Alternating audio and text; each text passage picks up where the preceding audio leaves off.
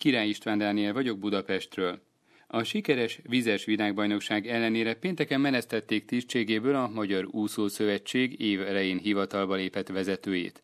A szervezet rendkívüli közgyűlése nagy arányban szavazta le a sportvezetőt, aki maga kért személyéről bizalmi szavazást. A közgyűlés most amiatt ült össze, hogy közvetlenül a világbajnokságot követően lemondott az ellenőrző testület elnöke, majd hat elnökségi tag. Közben többen is bírálták Bínert Gusztávot, illetve az elmúlt hónapokban nyújtott tevékenységét.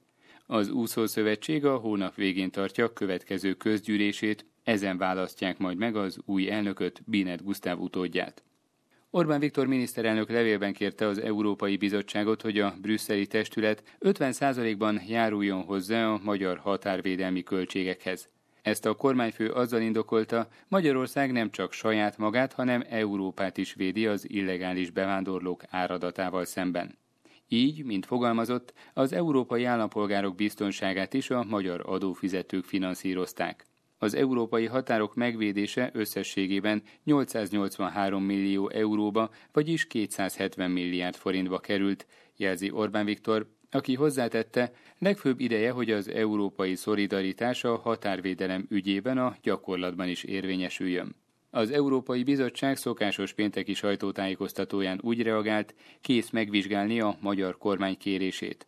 A testület szóvivője azonban hozzátette, az európai szolidaritás nem egy alakárt menü, amelyből az ember kiválaszthatja a számára hasznos részeket, mint a hozzájárulást a határvédelem költségeihez, miközben más elemeket elutasít, például az uniós menekültügyi kvótákat. A Központi Statisztikai Hivatal jelentése szerint júniusban az export euróban kifejezett értéke 4,5, az importé 7,2%-kal nőtt az egy évvel korábbihoz képest a kereskedelmi többlet értéke 998 millió euró lett. Az 1 milliárd eurót közelítő havi aktívum egy éve a legmagasabb, és minden idők második legnagyobb export töblete a tavaly júniusi 1150 milliárd euró után. Hétfőn idén immár második alkalommal Budapesten járt Vladimir Putyin. Az orosz elnök a Cselgáncs világbajnokság megnyitójára érkezett, és félnapos látogatásán megbeszélést folytatott Orbán Viktor kormányfővel. Az orosz elnök megerősítette, biztosítva van a Paksi atomerőmű bővítési projekt finanszírozása, a 12 milliárd dolláros keret rendelkezésre áll. Szijjártó Péter külgazdasági és külügyminiszter a látogatás napján jelentette be, a jövő év legelején, januárban megindul az építkezés Paksom.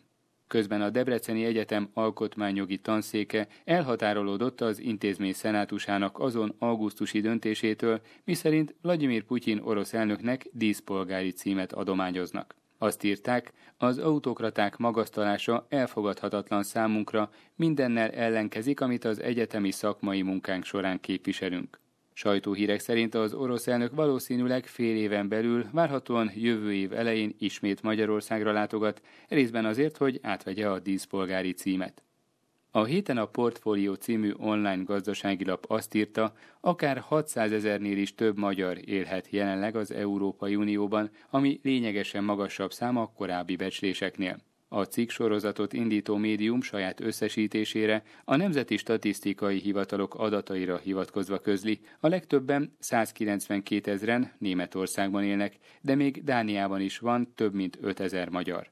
A második helyen 146 ezer magyarral Franciaország, a harmadik pozícióban az Egyesült Királyság van 91 ezer ott élő magyar állampolgárral. Az elmúlt percekben Király István Dániel tudósítását hallották Budapestről.